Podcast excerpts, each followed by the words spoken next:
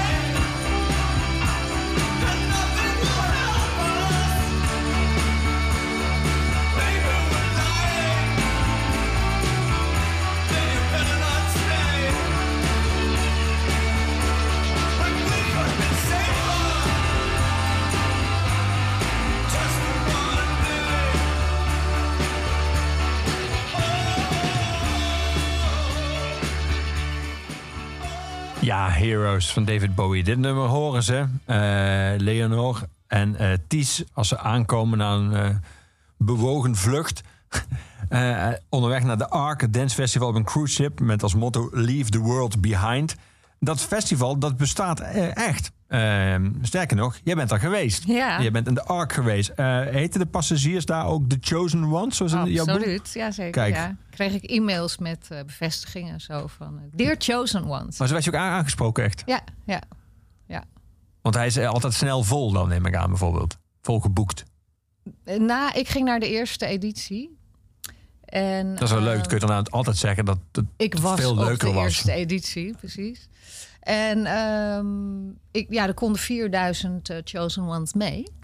En ik was er dus één van. Ja, en ik, ik, ik had gehoord op een gegeven moment dat het uitverkocht was. Maar ik weet niet of dat echt waar was. Of dat Nee. ze gewoon nog een blik eh, eh, influencers en modellen hadden uitgenodigd om erbij te zijn. Maar ehm, nou ja, het was uitverkocht. Ja.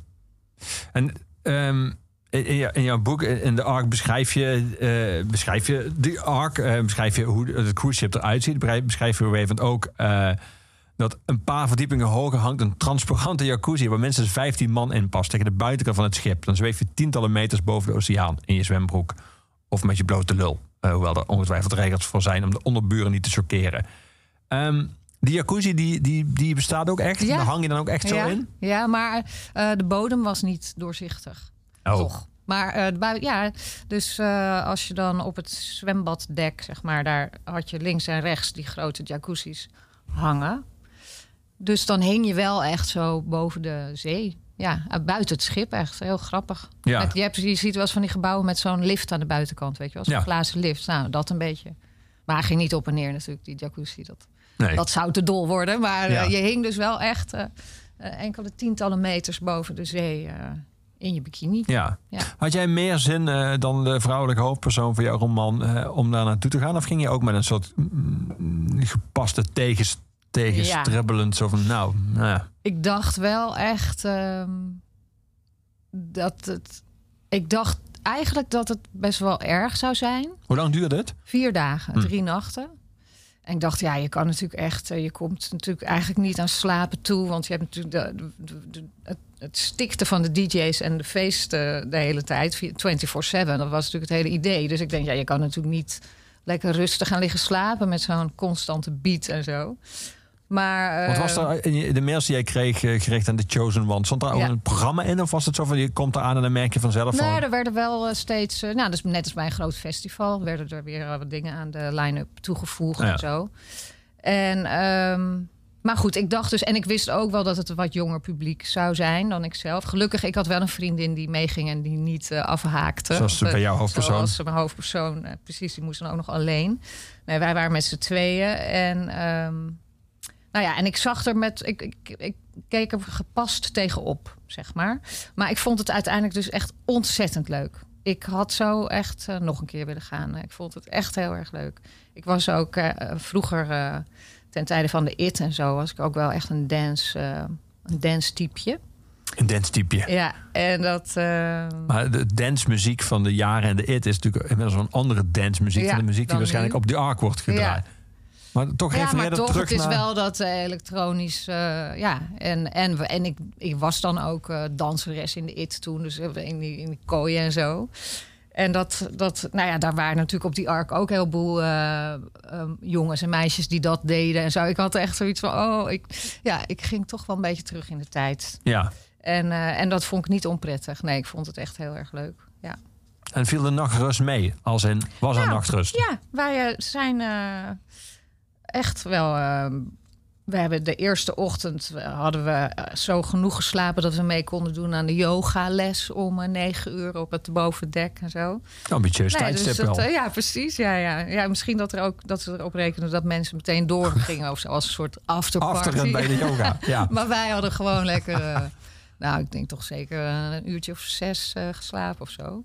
Ja, nee, we hadden wel. Alleen de laatste nacht. eh, toen kwamen wij net een beetje lekker op stoom in, de, in, het, in, het, in het feest. eh, gedruis. Maar toen. ehm, ja, ik denk dat we toen om vijf uur of zo. ging overal opeens alle muziek uit. En de, nou, maar wij waren dus helemaal van... eh, oh ja, we gaan nu echt eens een keertje deze laatste nacht... eh, echt eh, vette party tot het einde. En, eh, maar toen bleek dus gewoon dat het afgelopen was... omdat we al in eh, Barcelona weer terug waren Ja. gekomen in de haven. En we moesten ook het schip af om eh, half zes. S'morgens, hè? Nou, toen, eh, dat, dat was eh, een, een, vieze tegenvaller. We hadden dus eigenlijk andersom moeten doen. Je Ja. je moet beginnen met 24-7 feesten... en dan de laatste nacht op tijd naar bed. Weet ik voor de volgende keer. Ja, Ja. het moet een fraai beeld zijn geweest dat er dan om half zes ochtends 4000 mensen. Een soort Nou, The eh, Walking mensen waren ook Dead-achtige. boos, want eh, ja, dat was helemaal niet duidelijk gecommuniceerd van tevoren dat je zo vroeg het schip af moest. En wij hadden ook, eh, ik had smiddags een vlucht terug naar Amsterdam geboekt. Dus ik dacht, oh, dan blijf ik nog lekker bij dat zwembad op die boot en ehm relaxed allemaal. Maar ja, dat was dus helemaal niet zo. Dus iedereen, eh, nou ja, mensen flipten echt uit hun dak dat ze zo er opeens worden afgezet. En je kon ook niet denken, nou, ik verstop me in mijn hut en eh, ze komen me halen. Want ze kwamen daadwerkelijk gewoon eerst oh, sowieso om de, om de minuut of zo keihard die luidspreker in je hut van eh op sodemieter allemaal. en toen werd er ook echt op de deuren gebonkt en zo, dat je, dat je er echt af moest. Dus eh, nou ja, ik, heb, en ik ben als een dolle gaan bellen naar hotels in eh, Barcelona voor een day-use eh, kamer. Want ik dacht, ja, ik, dit trek ik echt niet als ik nu op de Ramblas moet gaan liggen tot mijn vliegtuig gaat of zo. Dus, eh, en dat heb ik gelukkig gevonden. Oké. Ja, dus wij zijn nog naar een hotel gegaan om een paar uren te slapen. ja, Ja.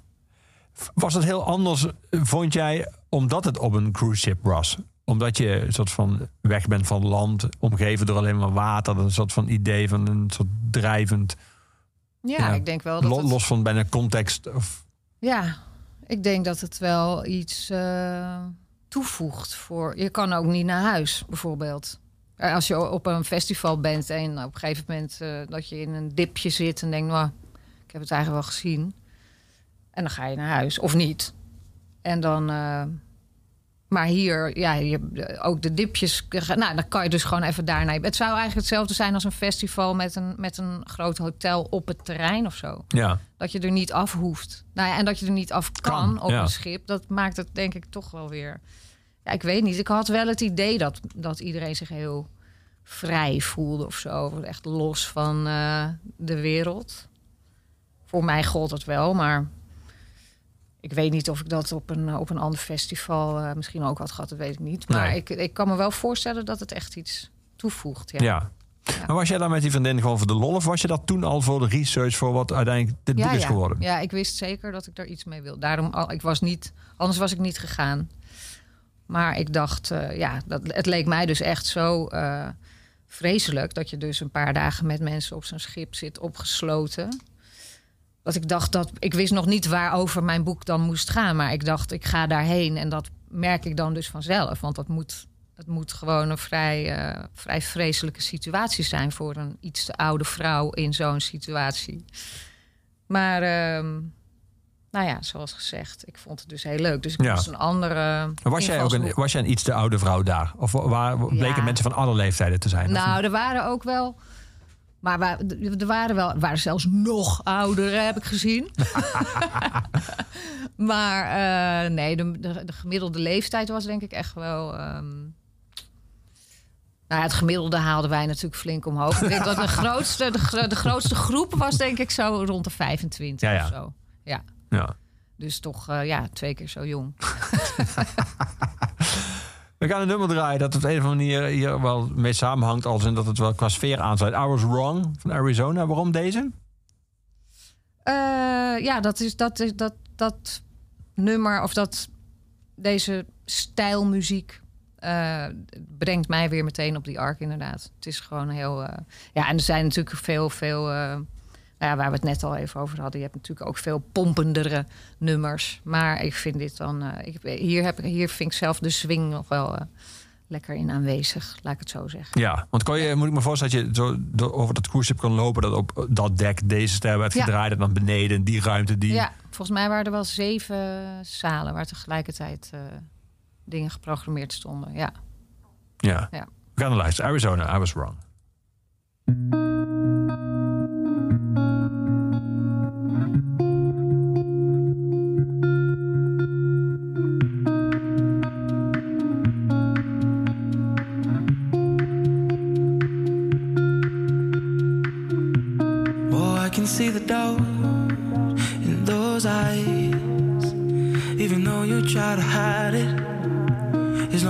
Figure out.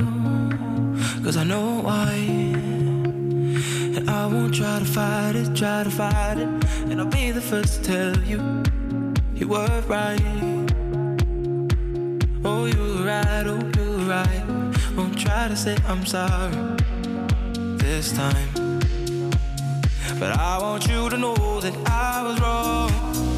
I know, I know. Say that I was wrong. I know, I know. Oh, I want you to know that I was wrong. I know, I know. I just wanna say that I was wrong. I know. I know. Used to be so warm days. I try not to remember. I got lost in the storm of my ways. Couldn't pull myself together, self together. And I'll be the first to tell you, you were right. Oh, you were right, oh, you right. Oh, try to say I'm sorry this time. But I want you to know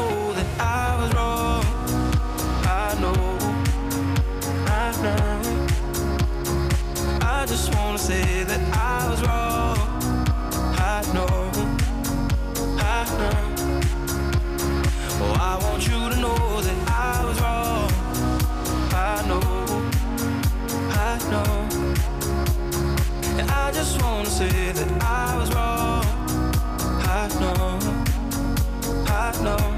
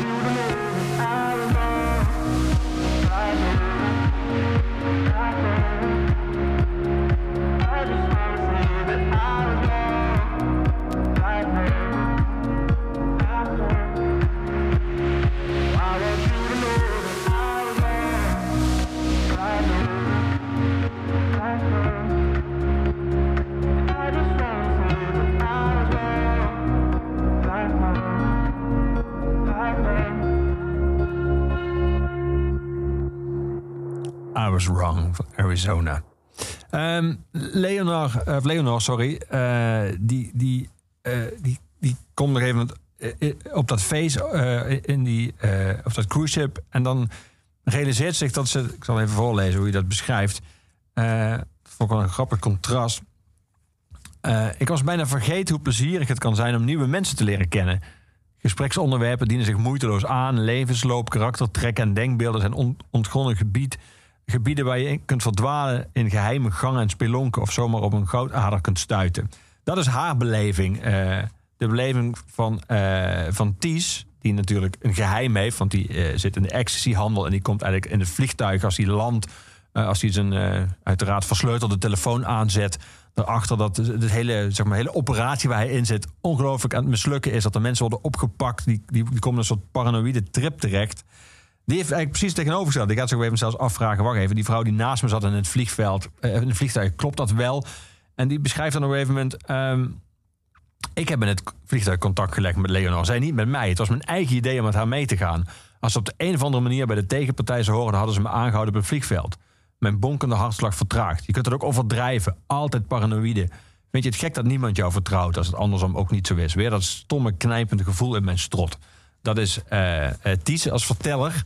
Ehm, die dus een hele andere manier heeft van andere mensen benaderen. Omdat hij altijd op zijn hoede moet zijn. Omdat hij een geheim heeft, meerdere geheimen. Eh, ehm, hoe was dat voor jou? Als jij bijvoorbeeld dan daar, meestal als je vanaf een bepaalde fase in je leven heb je gewoon ongeveer wel je vrienden, je hebt je kennissen, je hebt je contacten. En dan komt af en toe eens iemand bij en dan valt af en toe eens iemand af of die raakt uit zicht. Maar het gevoel dat je opeens in een soort hele nieuwe wereld komt met allemaal mensen die je niet kent. En met achtergronden die heel erg van die van jou verschillen. En dat je gesprekken voert zoals je die nog nooit hebt. Dat, dat, dat zijpelt op een gegeven moment vooral weg uit, uit je leven. Hoe was dat bijvoorbeeld op die arc? Of, of is het onmogelijk om daar überhaupt een gesprek te voeren met mensen? Eh, nou, nou, ik heb daar geen ehm, diepe gesprekken gevoerd. Nee, met niemand. Nou ja, met die vriendin met Ja. wie ik was. Ja. Ja. Maar dat was dus al mijn vriendin. Ja. Dus dat, eh, dat voegde wat dat betreft weinig toe. Maar heb je dan Ehm. nog dat je af en toe dat je hele nieuwe mensen leert kennen of hele nieuwe soort van gesprekken voert? Dat Oh, dat grappig, dat heb ik eigenlijk nog nooit. Ja? Ik heb wel, nou ja, ik bijvoorbeeld met, ehm, ik ben een heel fanatieke tennisser. Dus ik speel dan competitie. En dan heb je op die competitiedagen, dan ga je gewoon de hele dag natuurlijk met zo'n eh, team van de tegenpartij. Ja, ja, je, je tennis tegen ze, maar je hebt natuurlijk tussendoor ook even pauze en na afloop de, wel de befaamde competitieschotel met een eh, drankje ernaast over het algemeen. Competitieschotel? De competitieschotel. Ja, dat is eh, frituur. Hè? Het bruin, bruin fruit met een zalfie ernaast. Ehm, ja, ehm, dus dan in dat soort situaties. Of ik doe mee aan een tennistoernooitje hier of daar. Zo. Ik ben helemaal niet heel goed hoor, maar ik ben dus wel heel fanatiek. Dus Ja. ik doe wel wedstrijden en zo. En dan, dat is een, een, eh, een gelegenheid waarbij ik toch ja, best wel vaak nog eh, hele nieuwe mensen ontmoet. Ja. Ja. En dat vind ik ook inderdaad altijd erg leuk. Om eh, mensen, want, want je, je zoekt ze ook niet uit op een. nou ja, op zo'n festival weet je ongeveer wat voor mensen erop afkomen of zo. Maar iets als sport. Daar, ja, de, de een is eh, chirurg en de andere eh, ehm, schrijver. En, ehm, of ja, scholier nog soms. Dus je, je, je leert gewoon mensen uit heel veel verschillende hoeken van de samenleving eh, kennen. Ja. Die je normaal niet zo snel eh, op je pad vindt, uitgebreid. En er nog een gesprek mee gaat voeren ook. Dus Nee. dat vind ik heel leuk aan eh, sport verbroederd. Ja. Zeg. Wel grappig, want vroeger was tennis natuurlijk ook wel eh, een soort klassegebonden sport. Dat Oh was, ja, dat voetbal echt was echt ja. van, de, zeg maar, het was een volkssport. En tennis was toch een beetje Ja, van de... Ja, Ja. omdat het wat duurder Ja. was en omdat je Ja. meer duurdere spullen nodig had. Die Ja. abonnementen waren wat kostbaarder. Nou, dat is, Dat is echt veranderd. helemaal niet meer zo. Het is vervolkt. Ja, vervolkt. zeker. Ja. Ja. Je zegt, ik ben niet zo getalenteerd, maar wel fanatiek. ja. Ja. Eh, is dat, is dat, moet je er even gewoon bij neerleggen dat je dan zeg maar eh, dat je tot een bepaalde hoogte komt en dat het daar dan ook ophoudt? Dus, dus, zeg maar, moet je neerleggen bij Nou, de beperking van je. Of kun je dat? Ik word wel nog steeds beter. Oké. Ja, ik heb ook eh, les. Al honderd jaar. En ik merk dat dat, ja, het levert toch iets op. Je kan ook, de KNLTB heeft ook een eh, puntensysteem. hè. Dus ook als amateur eh, weet je gewoon precies waar je op papier staat. Dus als je net begint, dan ben je een 9. En als je eh, hoofdklasse toernooien kan spelen, ben je een 1. En dan, nou ja, dus het doel is gewoon zo'n zo'n laag mogelijk getal op je pasje te krijgen. Wat staat op jouw pasje? De- het is nou nu weer een 7 en een 6. Je hebt een aparte rating voor je single en je dubbel. En, eh, maar mijn, mijn, mijn, mijn doel in mijn leven was eigenlijk 6-6. En dat heb ik één jaar gehaald. En toen eh, was ik een heel seizoen geblesseerd. Dus nu heb ik weer een 7. En eh, ik dacht dus dit Nou, jaar met de onverbiddelijk. Dat staat echt op competitie... je pasje. Dus dat iedereen Ja. ziet dat ook dan. Ja. Ja, Wauw. en sowieso als je dan... je wordt ook daar op basis van je rating in toernooien ingedeeld en zo. Dus Maar het is geen vrij kastensysteem. Je kan, er wel, je kan het ontstijgen dus. Ja, ja, ja, ja, ja, hard werken, beter spelen en gewoon winnen. Ja. Dan, eh, ja, zeker. Ja. Maar ja, er zijn natuurlijk wel eh beperkt. Ik bedoel, ik zal nooit meer een. eh, ik, ik heb nog wel ergens in mijn achterhoofd de droom om een vijf te worden. Maar. Nou ja, en dat, misschien, misschien dat ik dat, als ik ook een beetje geluk heb in een seizoen of zo, dat ik dat nog eens zou kunnen halen. Maar hoger dan dat wordt het natuurlijk nooit meer. Ben je competitief eigenlijk. Ja, eerlijk gezegd best wel, denk ik. Ja. Maar wel ook heel sportief hoor. Ik ga niet vals spelen ervoor of zo. Nee. Nee. maar ik wil wel graag winnen. Ja. Ja. En de code bij tennis is dus wel dat je daarna gewoon... dan kun je dus gewoon met z'n allen borrelhapjes aan het eten. Die tegenstander is niet... dat is niet persoonlijk, zeg maar. Dat is niet dat hij daarna... dat je die niet meer onder ogen wenst te zien. of, Nou, bij de ene is het natuurlijk. Maar ja, dan, ik denk altijd iemand die op de baan heel lelijk is. Dat is buiten de baan ook niet eh, echt een heel leuk persoon meestal. En dan bedoel ik niet eh, mensen die, die op zichzelf staan te schelden of zo. Dat kan natuurlijk gebeuren. Maar als iemand gewoon echt vals speelt of echt heel vervelend is, dan, eh, nou ja, dan schuif je even snel die bitterballen naar binnen. En daag, ik moest weer gaan. ja, nee, maar het, ja, we hebben ook heel vaak echt hele gezellige tegenstanders. Ja. Ja. We gaan muziek draaien van een band die iets heeft wat Arizona net niet had.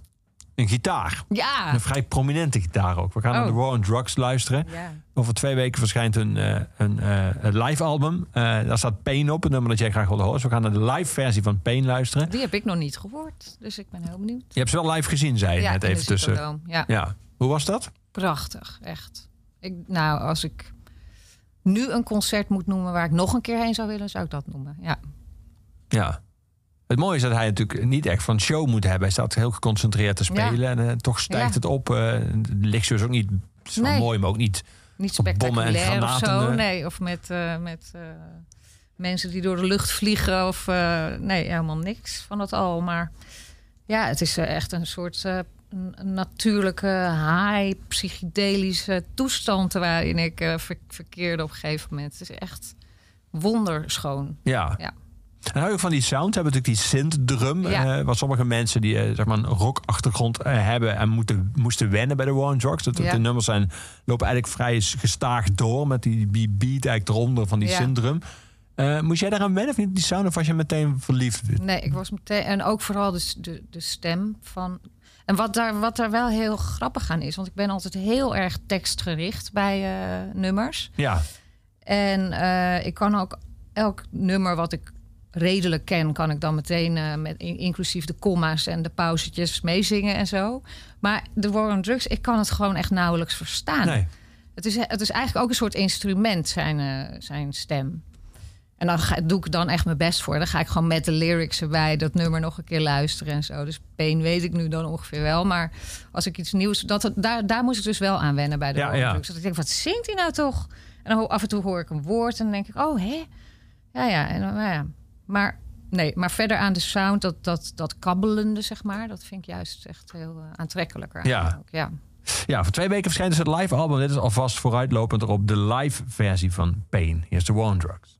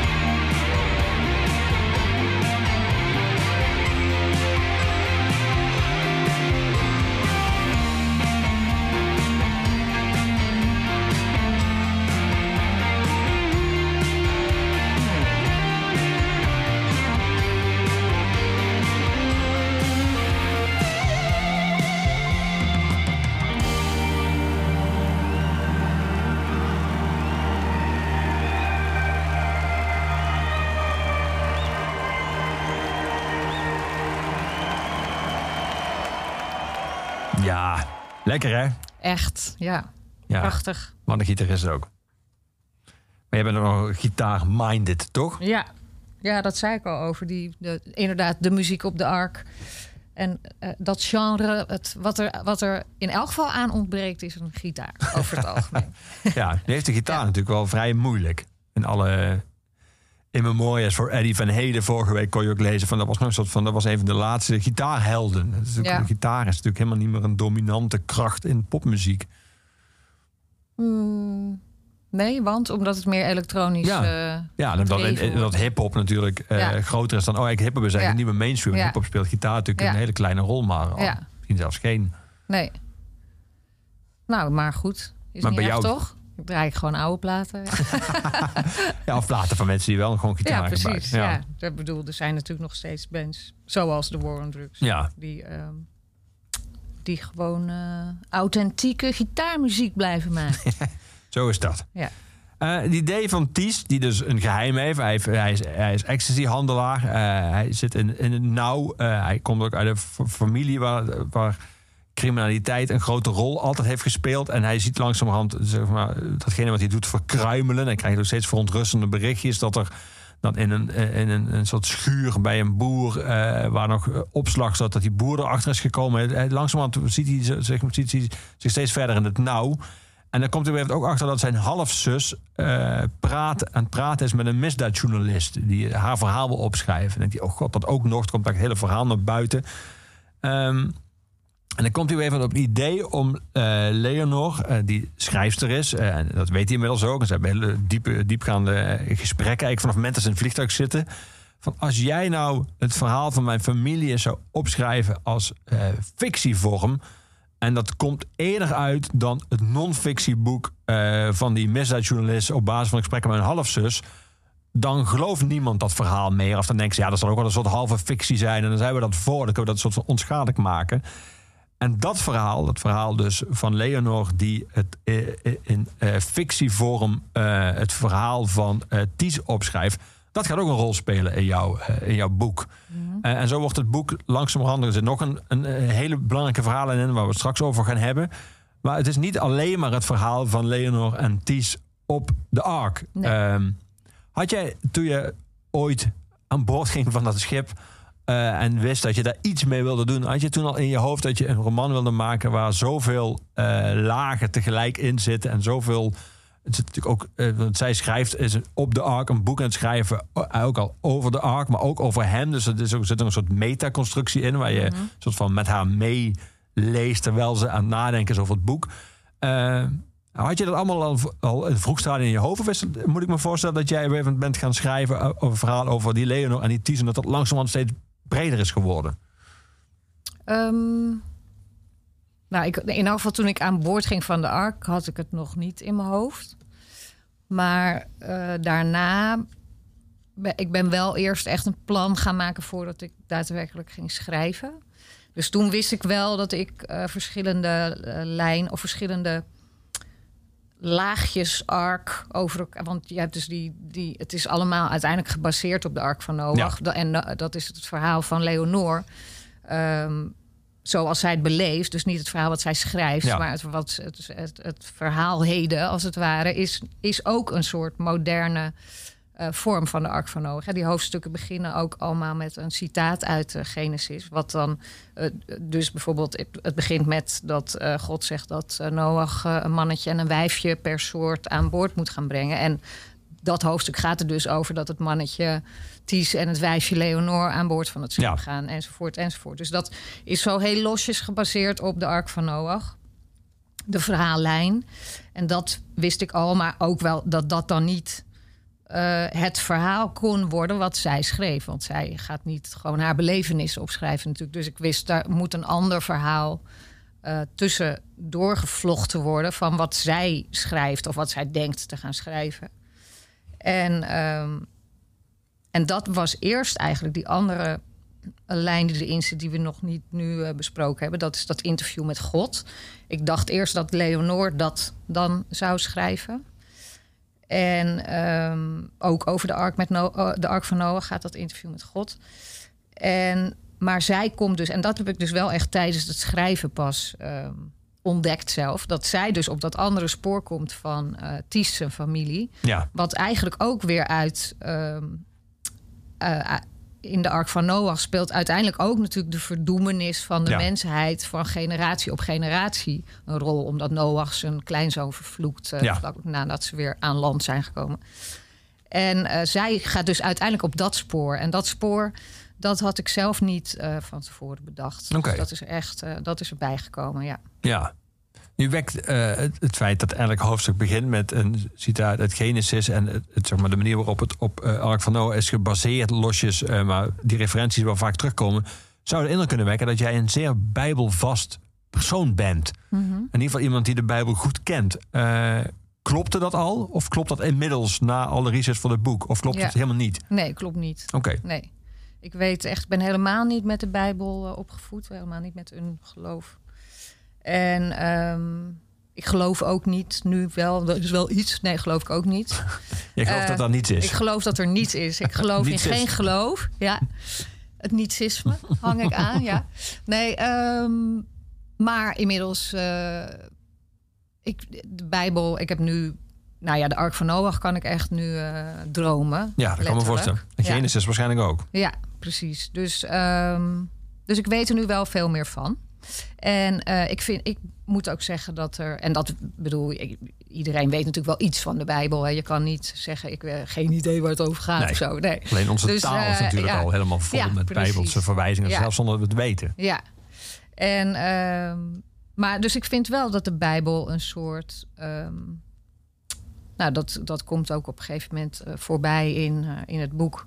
Dat het een, een verzameling van eh, mooie verhalen is, wel ook. En natuurlijk met een, een, eh, een, mooie moraal zit er vaak achter. En, ehm, maar ja, dus het is, ik, ik, ik lees het niet als van eh, een, een, een lijst. waar we ons aan zouden moeten houden, geboden van, van hogerhand of zo. Maar gewoon als, als mooie verzameling verhalen. ehm, ja, Ja. heb ik, is dat voor mij wel een, eh, Heb je hem nu een, toege- ge- een toegevoegde waarde. Ja. Ja. Heb je hem nu gelezen in, aan, eh, zeg maar in de researchfase van het boek? De Bijbel? Ja. Nee. Nee, in zijn geheel bedoel je? Nee, nee, nee, nee. Nee, ik denk ook niet dat ik dat snel zou gaan doen. Misschien als... Je hebt er iets uit moeten plukken. Je hebt Genesis moeten lezen. Je moet natuurlijk wel citaten vinden die aansloten bij. Ja, tuurlijk. Maar, maar die, die, die riepen niet meteen een soort begeestering op naar... een- Nu wil ik de rest ook wel lezen. Nee. Nee. Nee, dat hoeft niet. Ik was gewoon nieuwsgierig naar. ja. Nee, dat is niet gebeurd. Nee. Nou, misschien eh, komt het nog. Ik weet het niet. Ja, nou, het hoeft niet. Ja. Nee. Hoe vo- vond je hem eh, toegankelijk geschreven of niet? Als je hem als lied... Nee, de originele Bijbeltekst is natuurlijk helemaal niet eh, toegankelijk. Nee, geschreven. is ook een paar keer vechttaal en hertaal, maar daar was er vaak Ja. ook heel veel Ja. kritiek op. Of dat dan ook allemaal Ja, met een wel- achtneming van de... Of het wel klopte. Precies. Nou, bijvoorbeeld een ding waar ik dan op, op stuitte. Mhm. Dat Noach dus aan het eind van... ehm, of nou ja, na de zondvloed... dan vervloekt hij dus zijn, zijn kleinzoon. Maar dat is echt heel raar. Want zijn zoon doet iets verkeerd in zijn optiek. Dus niet zijn kleinzoon. Maar hij straft dus niet zijn zoon... maar hij straft zijn kleinzoon. En al dienstnazaten. Dus, maar alleen die zoon die, die, die zich niet respectvol had gedragen... daar ging het om... die bleef buiten schot. Maar en dan zijn er dus weer ehm, ehm, theorieën over dat. Maar er staat zijn, zijn kleinste zoon in de originele tekst. En daar bedoelde de schrijver wellicht gewoon zijn jongste zoon mee, in plaats van zijn kleinzoon. Maar ja, inmiddels staat dus in, in de Bijbel gewoon dat hij zijn kleinzoon eh, vervloekte. Nou, dat vind ik dan toch lastig. Ja, er zit nog wel meer.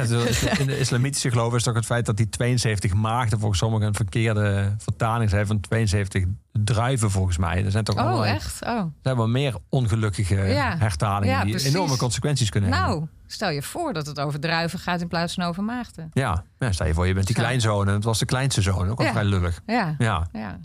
nou, laten we maar muziek gaan draaien. ja. Muziek eh, van eh, iemand die ook houdt van gitaren. Eh, je kent hem vrij goed, dat is namelijk J.B. Meijers. Ah, ja. Eh, ehm, we gaan ja, zijn nieuwe single draaien. Die dat is vorige klopt, week hij heeft een uitgekomen. nieuwe single, ja. Dat heb je natuurlijk van dichtbij meegemaakt. Ja. Was je daarbij toen hij hem schreef?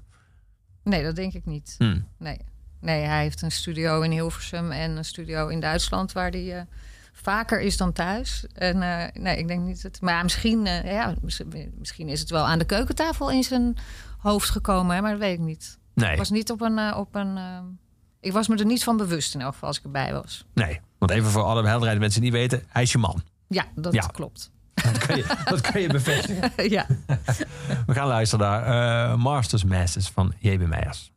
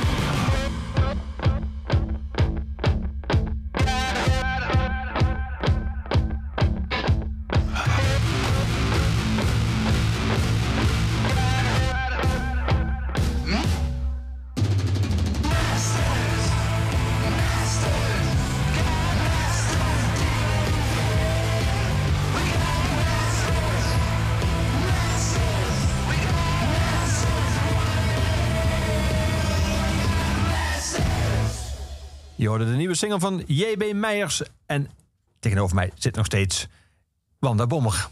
Huisgenoot van J.B. Meijers. En Nou, echt- echtgenoot. echtgenoot ook, En echtgenoot. Ja, Ja, ik was er niet. Ik was er alles In den noemen. echt verbonden. In een echt verbonden. Ja.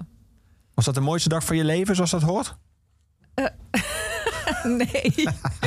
nee, het was echt heel erg stom, ons bruiloft. Stom? Ja, nou, wij, eh, wij zijn echt, eh, wij, wij zijn allebei helemaal niet van eh, trouwen en het huwelijk eigenlijk.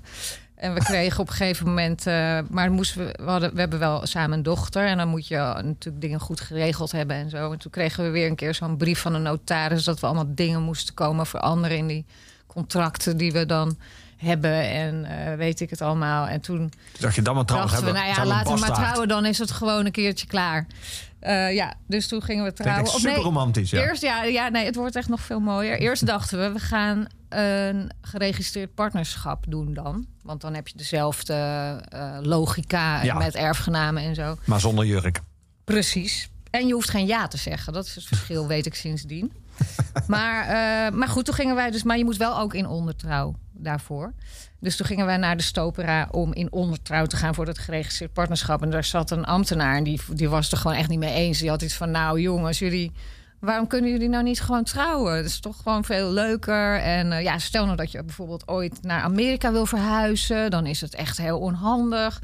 En, Want daar eh, wordt dat niet erkend. of Zo het ja, dan. nou, ik weet niet eens meer wat hij voor, voor argumenten allemaal had. Maar eh, nou, wij zaten elkaar zo'n beetje aan te kijken van... oh, eh. En eh, toen zei hij van ja... Nou, ik ga even een kopje, kopje thee halen. En als ik terugkom, dan hoor ik het wel. Dus toen, eh, toen ging JB zo'n beetje toen hij weg was van... Oké, nou dan gaan we wel trouwen. En toen ehm, hadden we de eerstvolgende timeslot om 9 uur s morgens. Op maandag 9 uur s morgens mag je gratis trouwen. Hè? Maar dan moet je wel ook echt binnen 10 minuten eh, erin en eruit.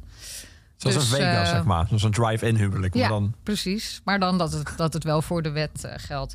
Dus wij gingen inderdaad op een... Het was toevallig wel de... Dat vond die ambtenaar vond het ontzettend fijn dat we gingen trouwen. En die, die begon helemaal te glimmen toen hij zag dat hij op 14 februari, Valentijnsdag... Dat was toen op een maandag. Eh, had hij het gat om negen uur nog voor ons. Dus hij, hij was heel gelukkig. En wij dachten, ach, als het die man gelukkig maar. maar dus wij zijn eh, om negen uur op een maandagochtend getrouwd. En JB moest om elf uur in Hilversum in de studio zijn, dat weet ik nog. Dus, ehm, maar ja, het duurde dus ook maar tien minuten. Ja, maar dus, ja, ja, maar het was, ik geloof, ik weet verder niet meer zoveel van die dag. Maar het was ook niet een, een eh, het was niet de mooiste dag van mijn leven. Nee. Nee. nee. ik neem aan dat wat JB die dag om 11 uur heeft opgenomen in de studio... dat dat Oh ja, misschien. van liefde aan elkaar Ja, dat weet ik ook niet meer. Nee. Ik weet ook niet of hij iets voor zichzelf heeft gedaan toen. Hmm. Of, eh, nee, ik weet het echt niet meer. Nee. Nee. Oké. Ja, Ehm, nou, jammer hè, toch? ja, Dat er niet zo'n heel mooi, mooi, mooi romantisch verhaal is gekomen nu. ja. laten we maar snel even anders hebben. Over een interview met God, bijvoorbeeld. Oh ja, Eh, ja. Want dat is die andere verhalen. Je had hem net al heel, heel eventjes aan eh, in, in de ark. Dat is dat eh, een dikke 450, voor mij 453 mensen... in de Koningin Maxima Zaal in het Koninklijk Instituut voor Tropen in Amsterdam... een interview mogen bijwonen met God in jouw boek. Ja. Eh, die is op wereldtour. Ja, Eh, en Nederland is het eerste gastland eh, van, dat, hem ontvangt. Wat natuurlijk komen voor de hand ligt dat God, Ja. als hij dan ooit hier neerdaalt, dat hij dan ook in Nederland ja.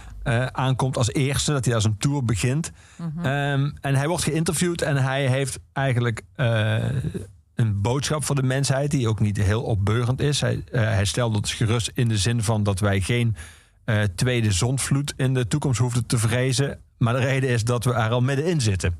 Ja. Ehm, dat lijkt me voor een schrijver wel spannend, maar ook wel, eh, nou ja, ook wel ingewikkeld. Je moet een interview met God uitschrijven. Dat, dat hangt nogal wat aan vast, zeg maar. Dat, dat, Ja, dat, maar ja, ik, vind, dat- ik vond het echt heerlijk om te schrijven. Ja? Het interview met God. Ja, het is gewoon. Je, je kan de he- Ik bedoel, ik ben sowieso natuurlijk best wel een fantasierijk figuur. Maar je wil het er, altijd toch nog een soort van waarachtig eh, eh, over de, voor het voetlicht eh, weten te brengen of zo. ja, Maar ja, als ik God ga zitten te interviewen, dan is het iedereen natuurlijk wel duidelijk dat het niet. eh, dat het geen eh, geschiedschrijving is wat ik aan het doen ben. Want eh, nou ja, dat is nou eenmaal niet het geval dat hij zich laat interviewen op aarde. Dus het is duidelijk dat ik het allemaal eh, verzonnen heb. En nou ja, ik, ik weet niet, het gaf echt een soort vrijheid. ehm. ik vond het ook heel leuk om erover door te fantaseren. Stel nou dat, dat God zou bestaan en dat hij hier naartoe komt, omdat hij het best met ons voor heeft. Maar, maar, en, en dat hij al eh, een paar duizend jaar aanziet eh, wat we allemaal aan het verkloten zijn en zo.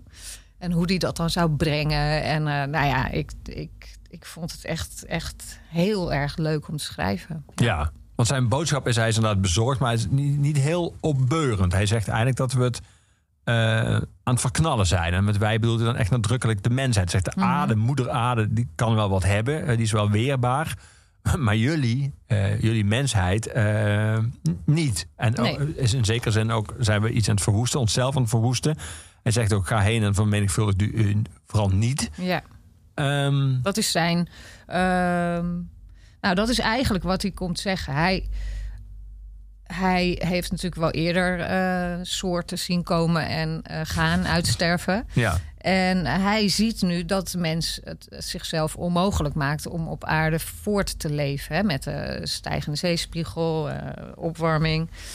En wij, onze soort is daar uiteindelijk niet meer voor eh, geschikt. Of de aarde niet meer voor onze soort.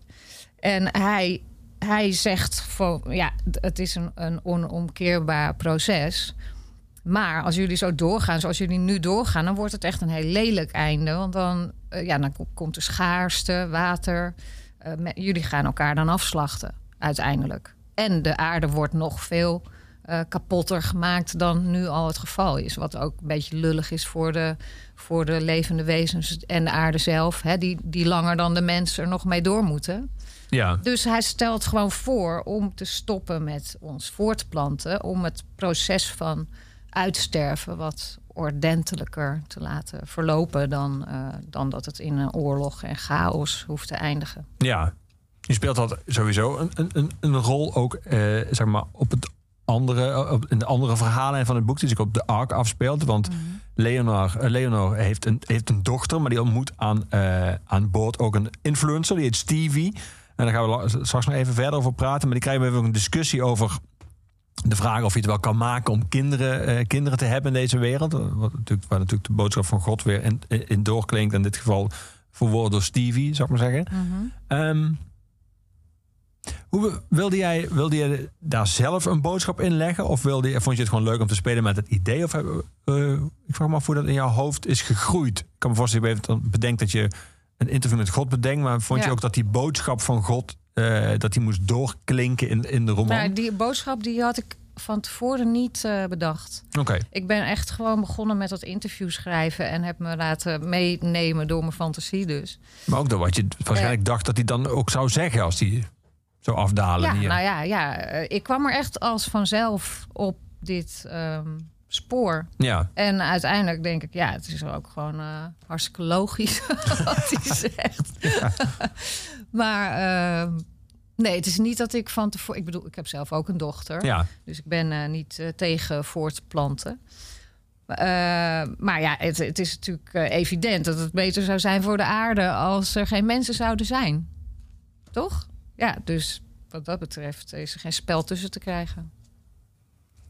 Dus je spreekt God niet tegen. Nee, nee, ik Nou. zou niet durven. Zeg, je weet maar nooit. Ehm, lijkt me leuk als je dadelijk, als je het goed vindt, een stukje, een passage voordraagt uit je roman. Misschien wel uit een van die interviews met God.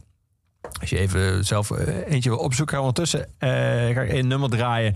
De nieuwe single van Pearl Jam. Die staat niet op Gigaton, het album dat dit jaar verschenen. Waarvoor ze zouden toeren. Maar ook die tour ging niet door. En waarmee ze dan hopelijk volgend jaar in de zomer op Pinkpop staan. Als we allemaal heel erg optimistisch zijn. Maar dit is een nummer dat ze hebben uitgebracht in eerste instantie voor een eh benefiet in het kader van de Amerikaanse verkiezingen. Ik denk niet dat ik erbij hoef te zeggen dat Pearl Jam Joe Biden steunt en actief ook. Maar uiteindelijk hebben ze toch ook eh, los van dat benefiet uitgebracht. Eh, het is uiteraard weer een fantastisch nummer. En heel gitaargedreven. Waar we het over hadden Fijn. hier is Pearl Jam met Get It Back.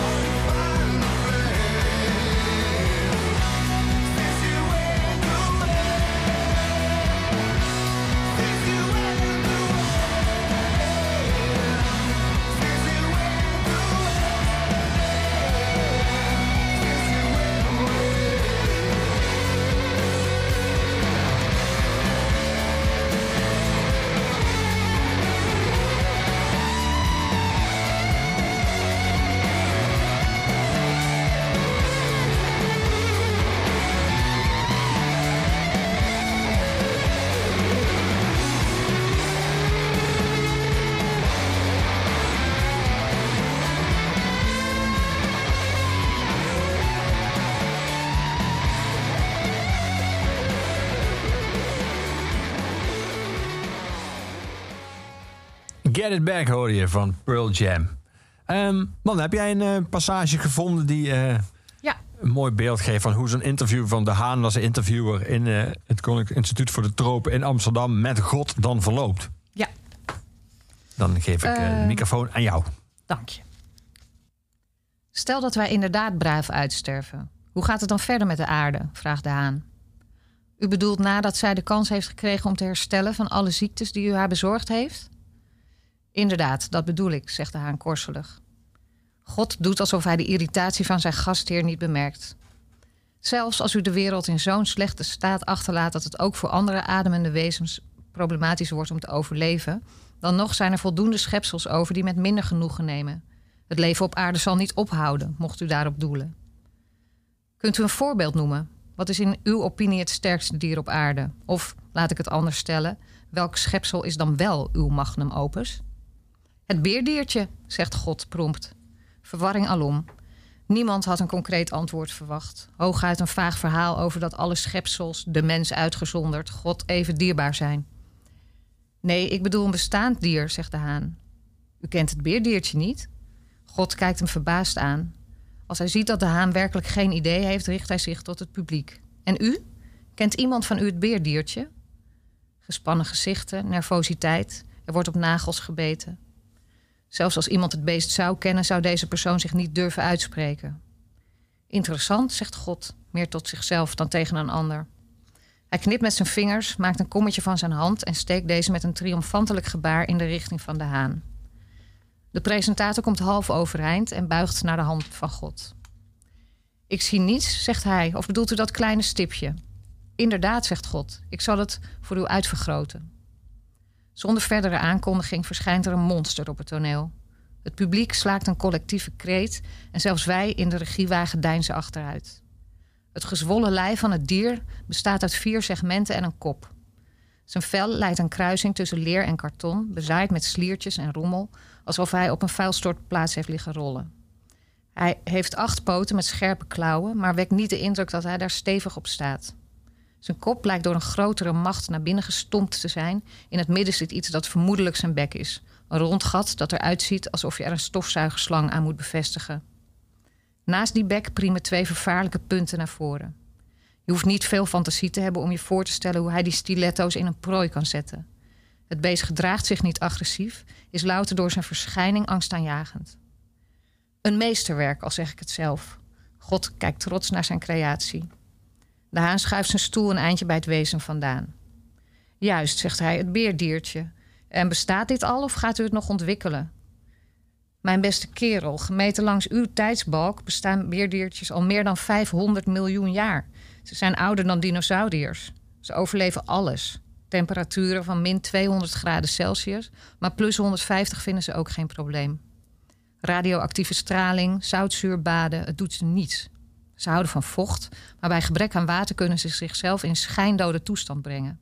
Als ze 100 jaar later een regendruppel opvangen, worden ze wakker en leven ze vrolijk verder. Uw wetenschappers hebben beerdiertjes onbeschermd de ruimte ingeschoten. U begrijpt ongetwijfeld wat ik daarvan vind, maar daar zal ik nu niet over uitweiden.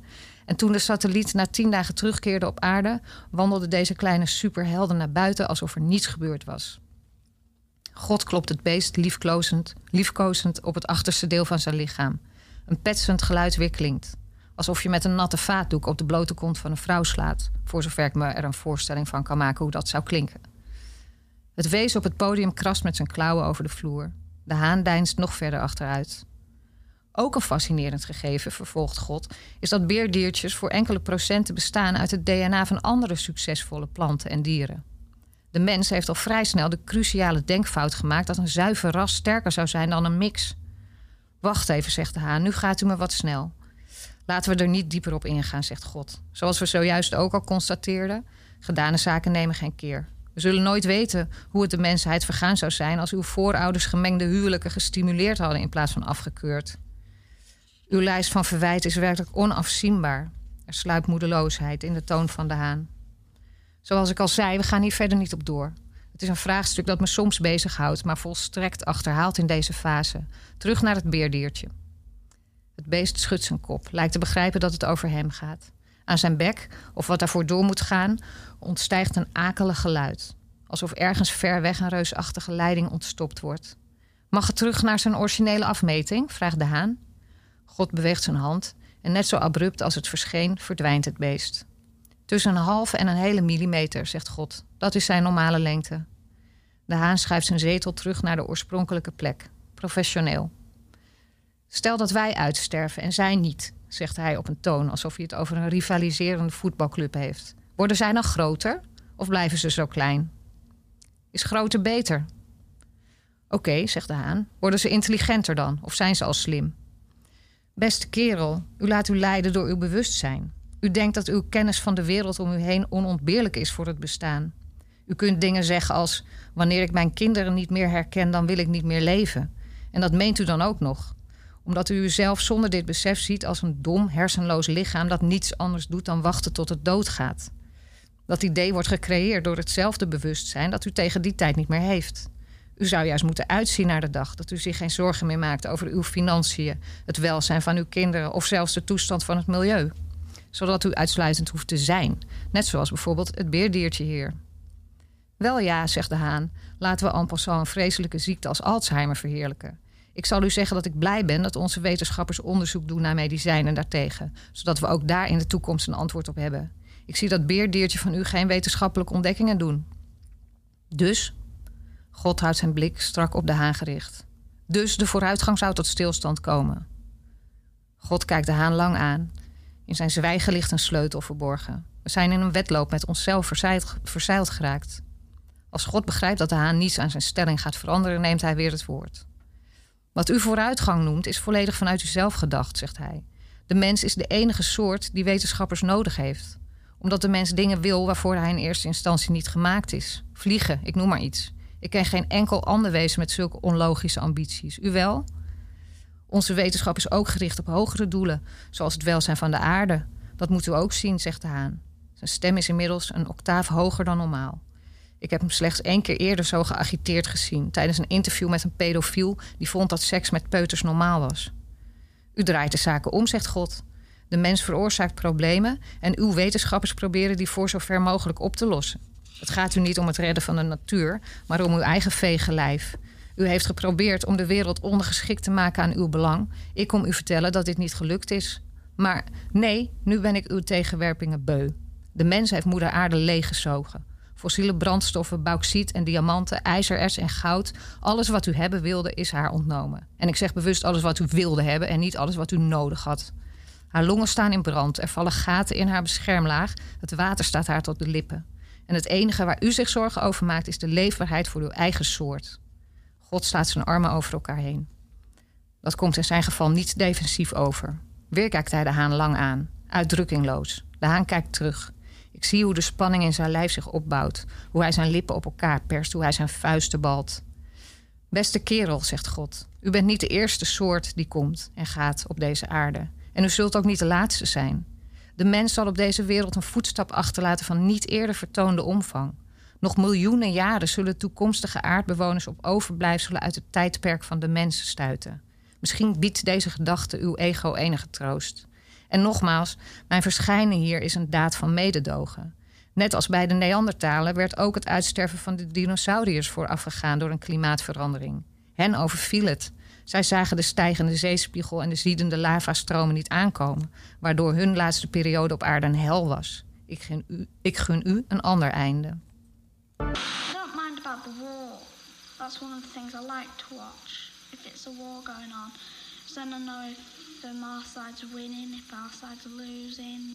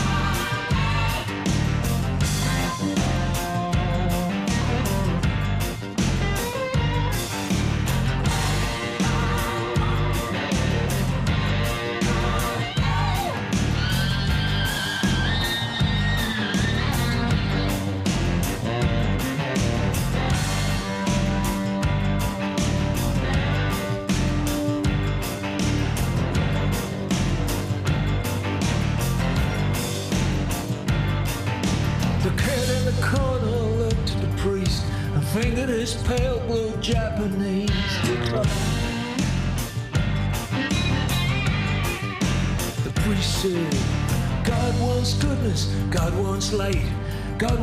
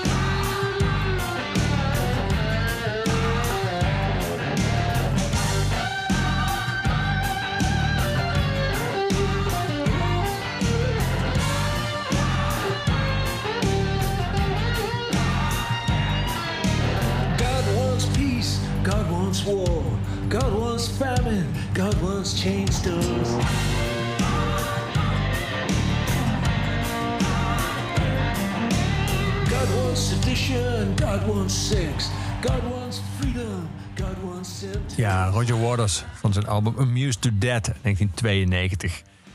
Wel, nou, ik heb het beerdiertje even opgezocht, maar het is wel echt een fucking lelijk beestje. Maar is ook alweer een soort van schattig. eh, Ja, ze bestaan namelijk, voor de mensen die het niet weten, ik wist het ook niet, moet ik eerlijk zeggen. eh, echt. ik ook niet. Ze zijn ook echt daadwerkelijk inderdaad de ruimte in geweest. Ja. eh, en hebben dat overleefd als eerste dier ooit. En ze zijn inderdaad echt in het echt piepklein. Ze zijn eh 1 vijfde millimeter, waardoor ze met het blote oog...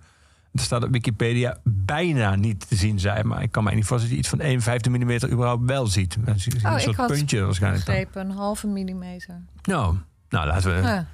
Maar ja, en dat je- kan denk ik wel Misschien je ze net. verschillende soorten en maten, oh ja. de beerdiertjes. Laten we daar eh, van uitgaan. Maar jij kent dus ook niet.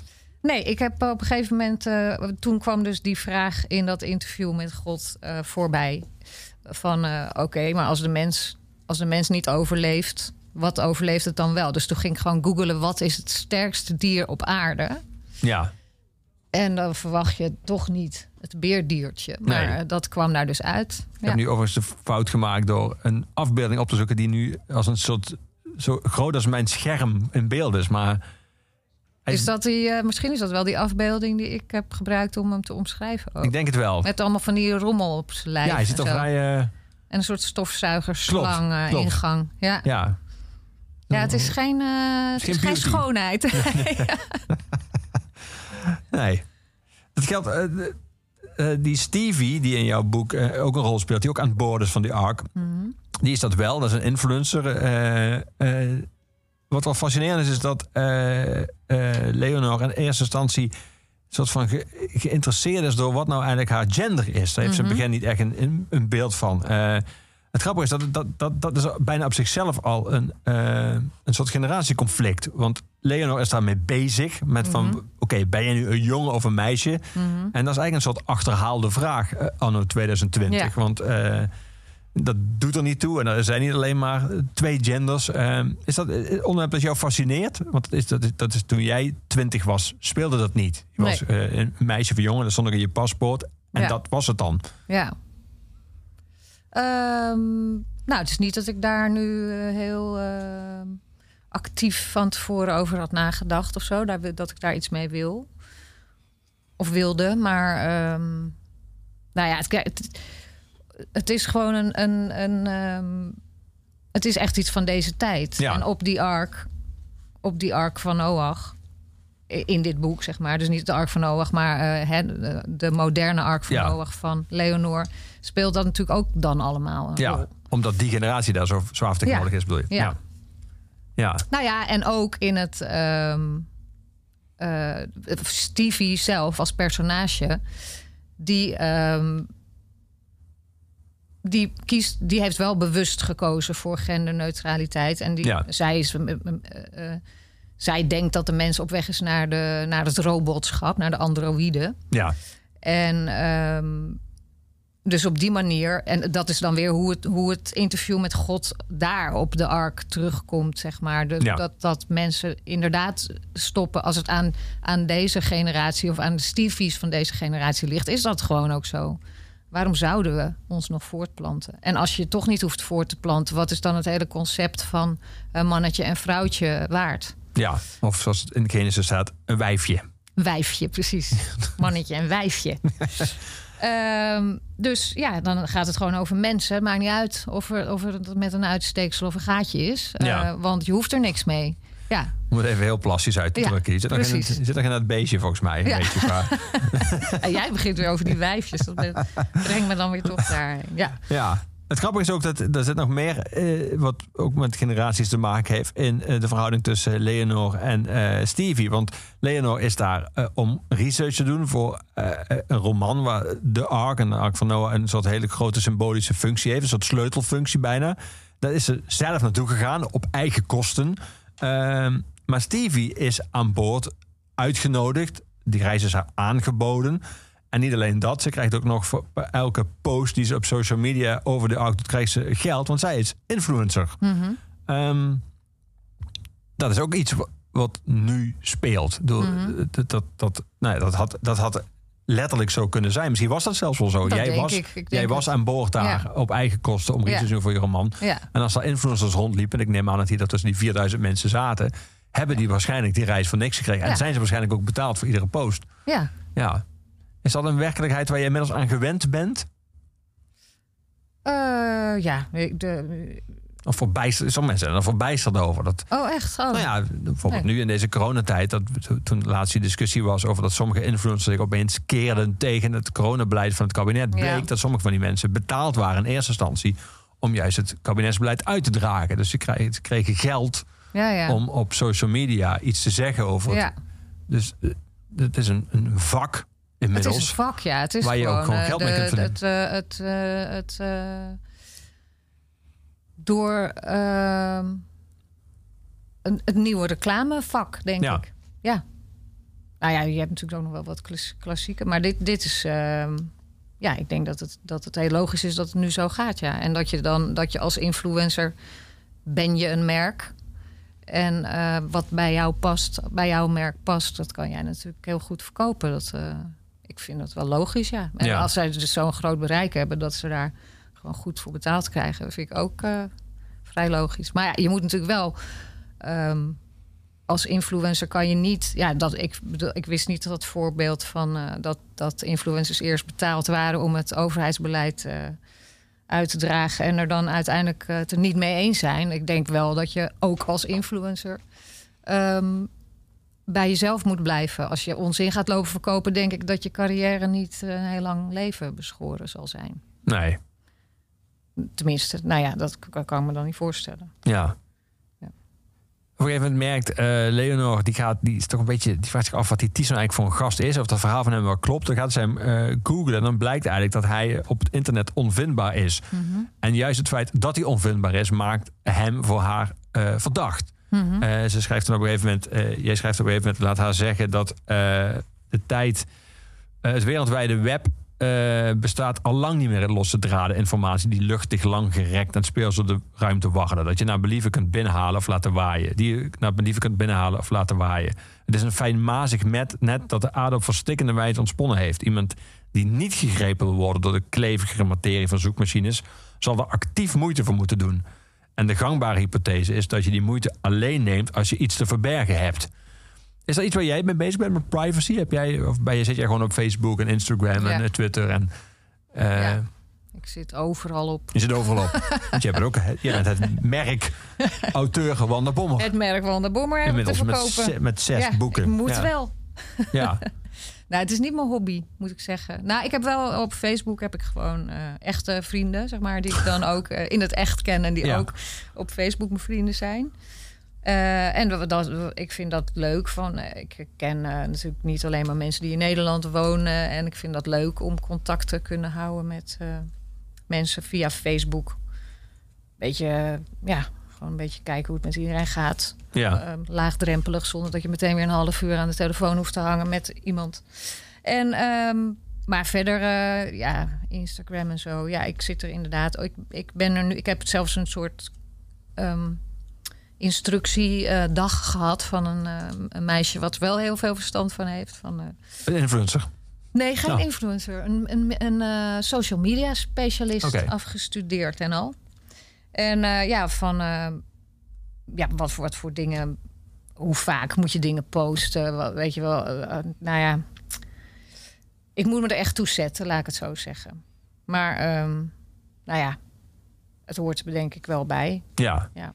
Ja, er zit ook wel iets van kritiek daarop in jouw roman. Niet zozeer op dat je op social media jezelf moet verkopen of dat je een soort merk moet zijn, maar wel dat, eh, dat er in een boek, als je een boek wil verkopen, eh, haakjes, zoals dat heet, moeten zitten die eh, je het makkelijker maken om je bij talkshows binnen te krijgen. Met dat een soort van dat een boek dat alleen maar uit fictie bestaat, dat dat voor een redactie van een gemiddelde talkshow te ingewikkeld is. Dus er moet er een soort van iets waar gebeurt in zitten of iets Ja. dat staat voor jouw eigen leven.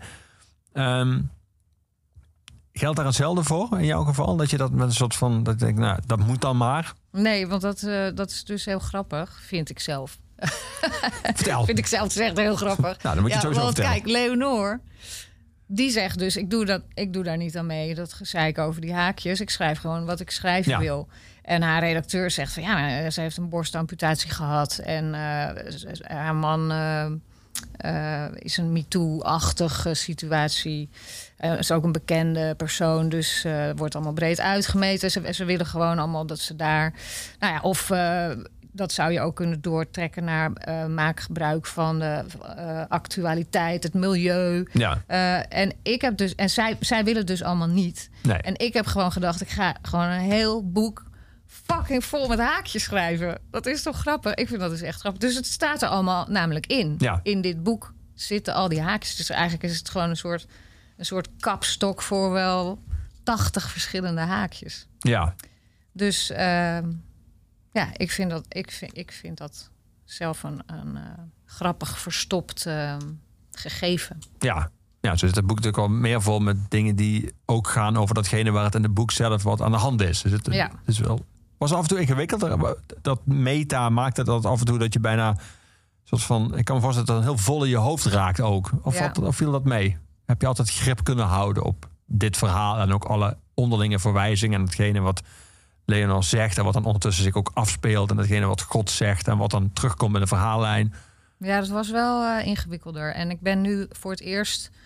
ehm, dit is dus mijn zesde roman. En Ja. de andere vijf heb ik allemaal gewoon in Word geschreven. En nu ben ik overgestapt naar een programma dat heet Scrivener. Dat is gemaakt door een eh, auteur. eh, die zelf ehm er tegenaan liep dat je al die verhaallijnen en eh, ingewikkeld uit elkaar kon en bla bla. En dus ik heb me daarin, eh, ik heb me daar opgestort. Ik hou dus niet echt van nieuwe dingen op computers, maar ik dacht het moet maar.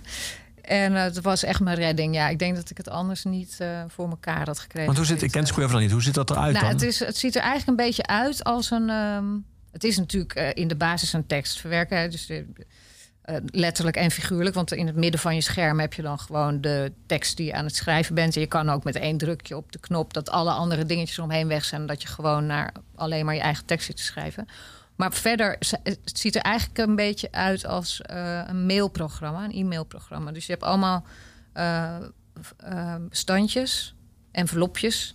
En daar, je kan dus elke scène in een envelopje stoppen, zo aan- een mapje aan de zijkant. En, maar je kan dus ook een eh, hoofdstuk weer ehm, in een groter ehm, mapje stoppen. En daar al die losse scènetjes. Maar je kan ook later denken van... eh, oh nee, ik wil toch dat ene scènetje is misschien toch slimmer... als je, als je het ehm, eh, in een hoofdstukje verder... Of, eh, dus je, en je kan de scènes en de hoofdstukken zo groot en zo klein maken... als je zelf wil. En je kan dan ook met één druk op de knop zijn het opeens geen mapjes meer, maar een soort van die notitiekaartjes op een prikbord. Dus dan kan je zo gaan zitten schuiven met je, met je kaartjes. En je kan, je kan heel makkelijk dus eh, stukjes terugvinden. Normaal, ik weet niet of jij, eh, als jij schrijft iets langer, schrijf je dan in Word ook of niet? Ja, Ja, en dan heb je natuurlijk wel eens dat je denkt... oh, ik, moet even, ik wil even terug naar dat of dat. En dan weet je ongeveer een woord wat niet heel vaak voorkomt in je boek. Oh, dat moet in de buurt van dat woord. Dus dan ga je dat woord zoeken. En dan, ja, dat is natuurlijk hartstikke omslachtig. En hier heb je gewoon... eh, pop, oh, dat is die scène van God over het beerdiertje. En, dan, en zelfs die scène van God over het beerdiertje... heb ik dan eh, een vakje beerdiertje en een vakje... Weet je wel, je kan, het, je kan het zo klein opknippen als je wil. Dus zo gedetailleerd terugzoeken als je wil. En, en dus ook zo schuiven. Ja, En dat ja. heb ik veelvuldig gedaan met, eh, met de inhoud, ja. En ook met één druk op de knop maakt hij je roman af. Ehm, nou, je moet het wel helemaal zelf schrijven, Oh. toch? Ja, dus dat is misschien, ik hoop, eh, de volgende fase. dat zou wel lekker wezen natuurlijk. En het heet Scrivener. Scrivener, ja. ja. Een aanrader voor iemand die eh langere werk. Maar ik kan me ook bijvoorbeeld voorstellen als je een scriptie moet schrijven of zo. Dat lijkt me ideaal. Ja. Ja.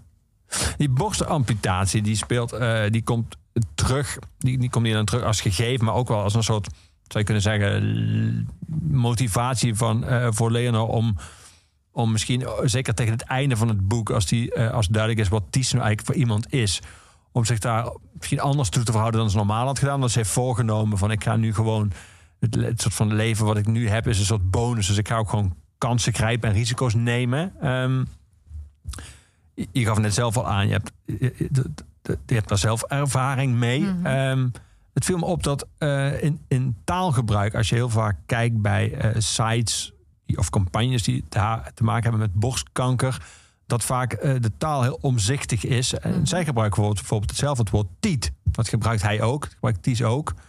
Ehm, Hij, gebruikt zij dat ook? ja, één keer. Ja. Ik dacht dat ik het aan hem had eh, voorbehouden. Tiet. Oh, maar neptiet, zegt Ja, ze misschien. ja, in plaats klopt. van nepborst. Klopt, ja, ja. precies. Ja, ja, ja. ja. Ja.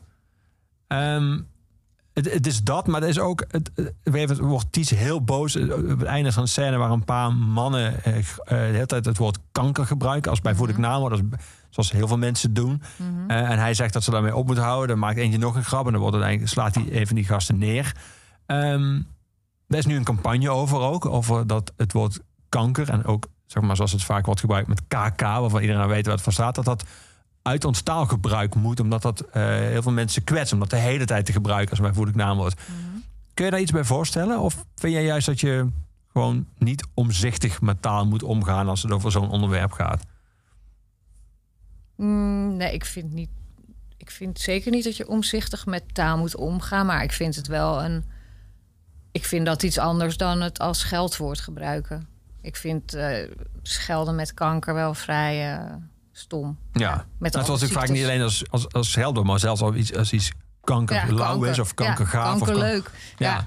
Ja. ik vond het. Ja, dat was. Ja, ik heb het idee dat dat er weer een beetje, een beetje aan het wegebben is. Dat alles kankerleuk was en zo. Ja, en ik kan er dan. Misschien slaat de campagne al nu al aan.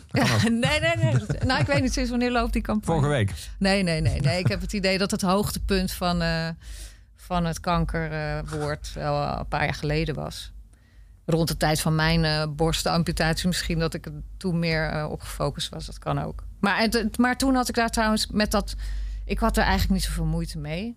Maar ik kan me wel voorstellen dat, het, dat andere mensen daar wel moeite mee hebben. En ik, ik heb er geen moeite mee dat mensen proberen om het uit de taal... op die manier eh, mensen ervan bewust te maken in elk geval dat, dat er ook een heleboel mensen zijn die dat, die dat vervelend vinden om daar maar de hele tijd. te- Er zaten van de week een paar jongetjes bij mij op, de, op het muurtje voor eh, ons huis, bij mijn werkkamer.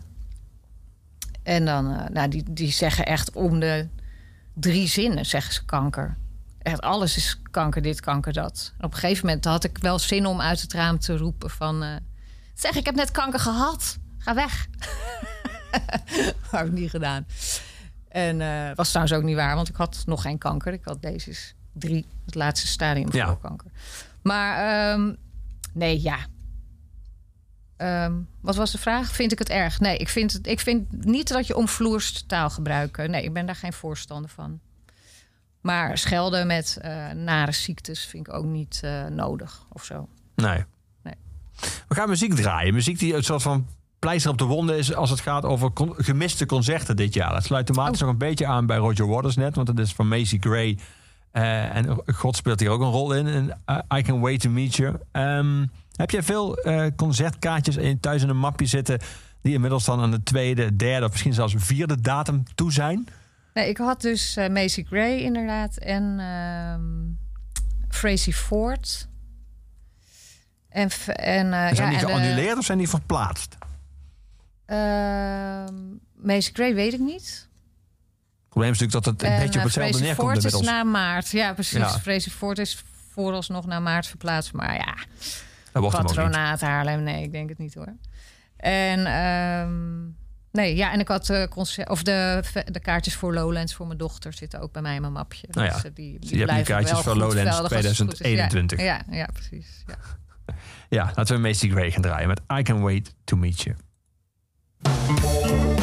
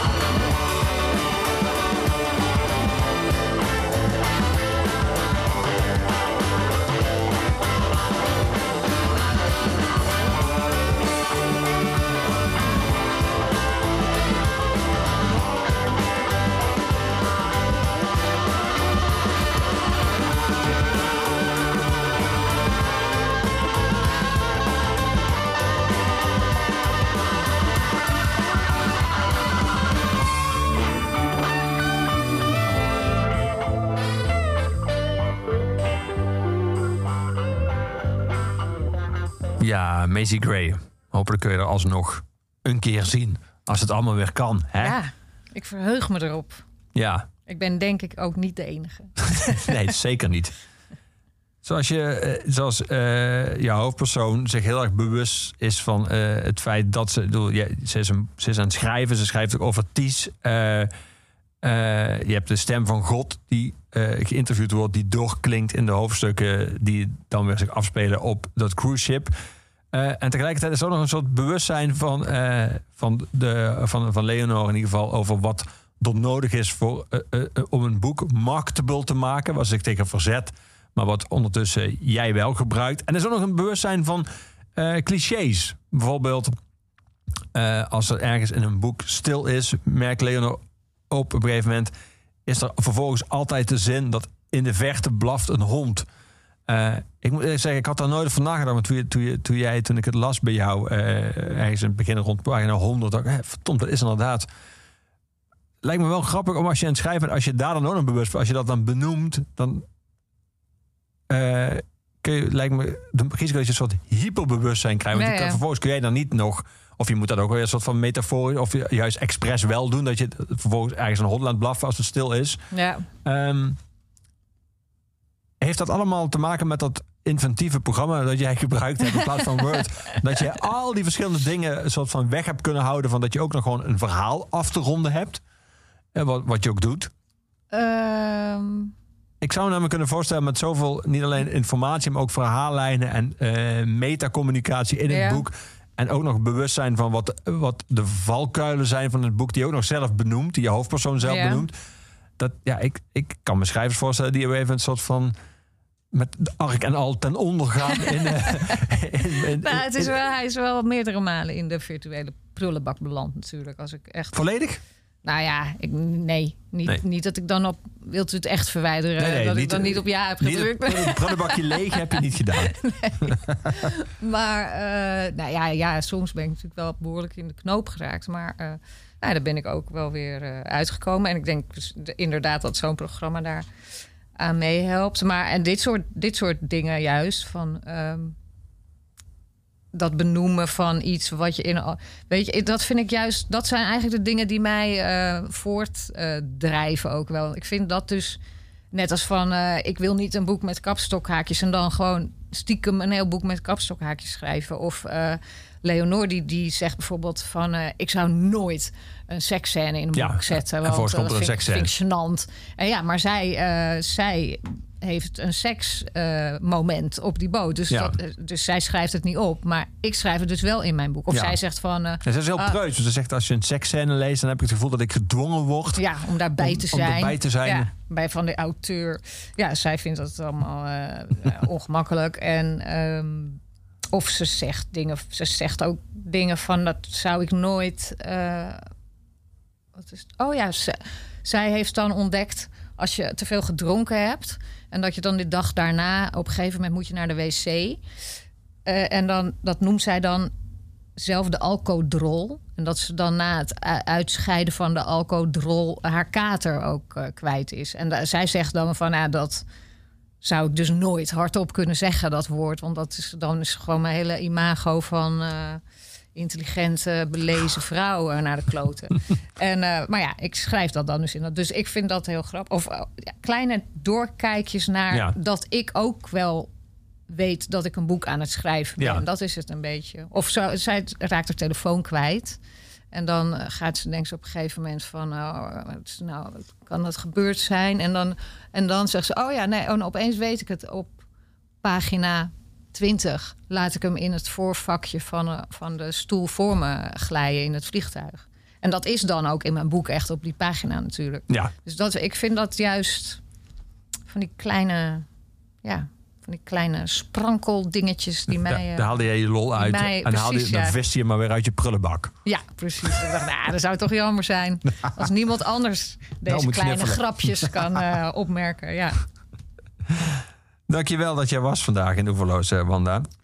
De ARK is uitgegeven door uitgeverij Paul Brandt. Ligt nu in iedere zichzelf respecterende boekhandel. En het fijne is, je kan hem ook meteen vinden. Want hij is ontzettend opvallend. De cover is zeer kleurrijk.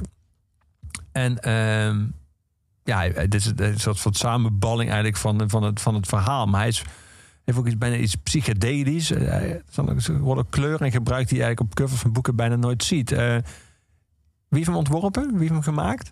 Eh, Shop Around is een, eh, een eh, grafisch designbureau in Amsterdam. Die hebben het omslag gemaakt en ze hebben dat beeld erbij gevonden. Dat bestond al. Van een Franse kunstenaar. Die heet eh, Ladislas. Of Ladisla. Ik weet niet precies hoe je dat moet uitspreken. En ehm, ja. En ik vind het ook. Ik vind het zelf echt oprecht het mooiste boek wat ik ooit heb gezien aan de buitenkant dan. Hè? Echt het mooiste boek wat ik ken. De Ark. Ja, hij, zit echt, hij is echt prachtig. Hij Ja. valt, eh, valt echt, je ziet hem meteen zien liggen. Ja, en het is ook ongelooflijk dat dat beeld al bestond. En dat ik het beeld niet kende en het verhaal heb geschreven en eh, vice versa. Het is echt alsof het ervoor gemaakt is. Ja. Echt heel leuk. Alsof God het zo bedoeld had, zou ik maar zeggen. Nou, Ja. Eh, we gaan afsluiten dadelijk uiteraard met Gorky. Want het laatste nummer van iedere oeverloos is voor Gorky. Het laatste woord is altijd aan onze postuumhuisdichter Luc de Vos. Ik wil je nog vertellen dat Oeverloos, ook deze Oeverloos, die werd aangeboden door de muziekgieterij, het grenzeloze muziekpodium. Maar voor Gorky draaien we nog één nummer uit de platenkast van Wanda. Eh, Wanda, je werkt al heel lang samen met en voor de band De Dijk. Dus we gaan afsluiten, eh, als het om jouw keuzes gaat, met een nummer van De Dijk. In dit geval eh, hun samenwerking met Solomon Burke uit 2010. Tien jaar geleden dus, dit ja, album. afgelopen zaterdag. eh, of nou ja, 10, 10, 10 was, Ja. het, eh, was zijn sterfdag. Toen was hij op weg naar Amsterdam om met de dijk in Paradiso eh, te spelen. En eh, nou ja, dat overleefde hij dus niet. Die, eh, hij, hij, hij overleed in het eh, vliegtuig. Ja, En ja, dat is dus al tien jaar geleden, ongelooflijk. Ja, een, fa- een fantastische man, vond ik het. Vonden we het allemaal. ja. En ehm, maar ja, ook iemand die natuurlijk nu van bovenaf het allemaal een beetje, een beetje in de- in de gaten zit te houden voor ons. Dat het allemaal wel goed gaat, denk ik. ja. En inmiddels in die tien jaar ook aardig wat gezelschap heeft gekregen van andere fantastische precies. muzikanten, ja, ze helaas. zullen het wel gezellig hebben daar, denk ik. Dankjewel dat je was, Wanda. We gaan Ja, afsluiten. Dadelijk Gorky. En nu eerst De Dijk samen met Solomon Burke... met het titelnummer van het album in 2010, Hold On Tight.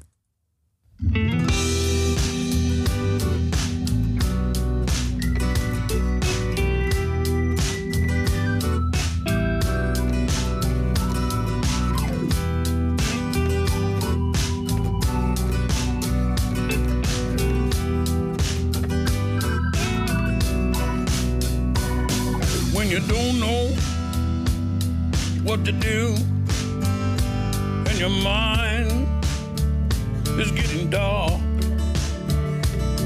and the fire that was burning has been reduced to a smoke and a spark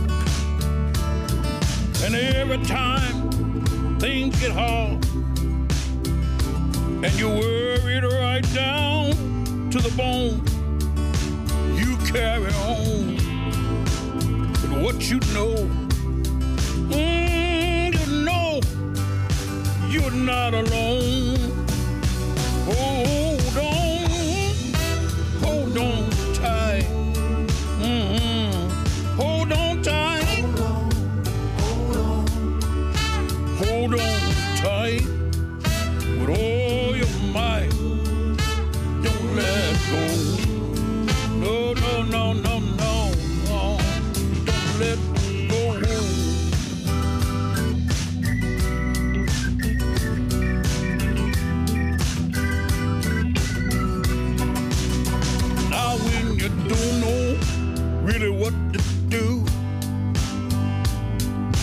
heart seems to skip a beat